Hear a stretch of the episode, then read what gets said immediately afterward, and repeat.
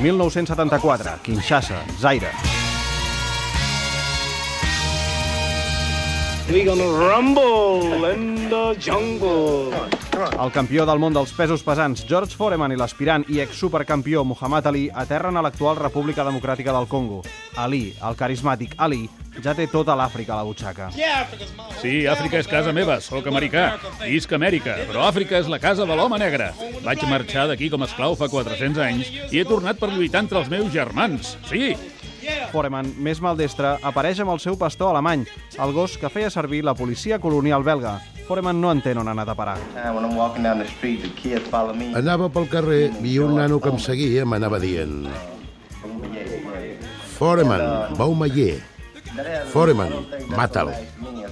Però no m'agrada això. No m'agrada que em diguin que el mati. M'hagués agradat que em digués Foreman estima Àfrica o alguna cosa així. Dan King, el promotor de boxa més eminent de la història, havia reunit els dos boxejadors més mediàtics del moment al Zaire de Mobutu Sese Seko, que es va pagar un caríssim circ de propaganda.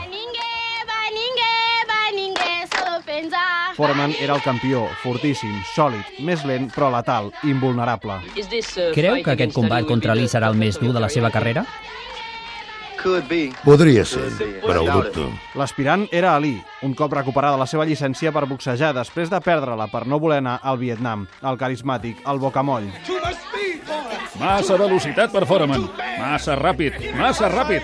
Sóc el campió dels pesos pesants retirat i he tornat per recuperar el meu títol.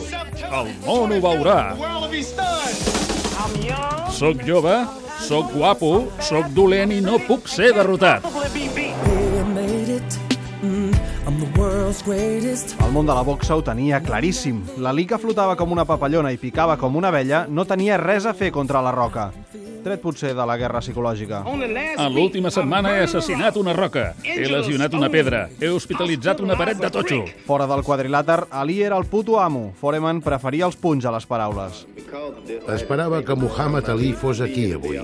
Li hagués saltat a sobre i li hauria partit la boca per entretenir-vos una mica. Després d'un retard inesperat per una ferida a Foreman en els entrenaments, tot estava a punt. Espantat de què? De què d'estar espantat? No hi ha res al que li hagi de tenir por.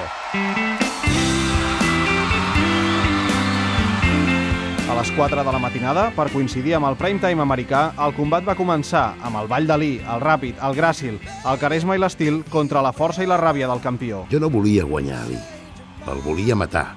Estava boig de ràbia. En dos assalts, Ali ja va entendre que la velocitat no guanyaria el combat i es va acular contra les cordes. 3, 4, 5 assalts més i Ali no feia més que entomar els cops de la bèstia. Ho va batejar com el rope a dope. Ningú no donava 5 cèntims per ell, tret d'ell mateix. Això és tot el que tens, George? M'havien dit que pagaves més fort. Un canvi de tàctica, un gir de geni, una metamorfosi letal. L'esgotament del campió i la llengua afilada era l'as a la màniga d'Ali. M'havien dit que sabies boxejar, George. En el cinquè assalt va començar a trobar escletxes a la roca Foreman. En el vuitè, amb el campió defallit, 5 punts fan blanc a l'objectiu i un directe de dreta final tomba la bèstia.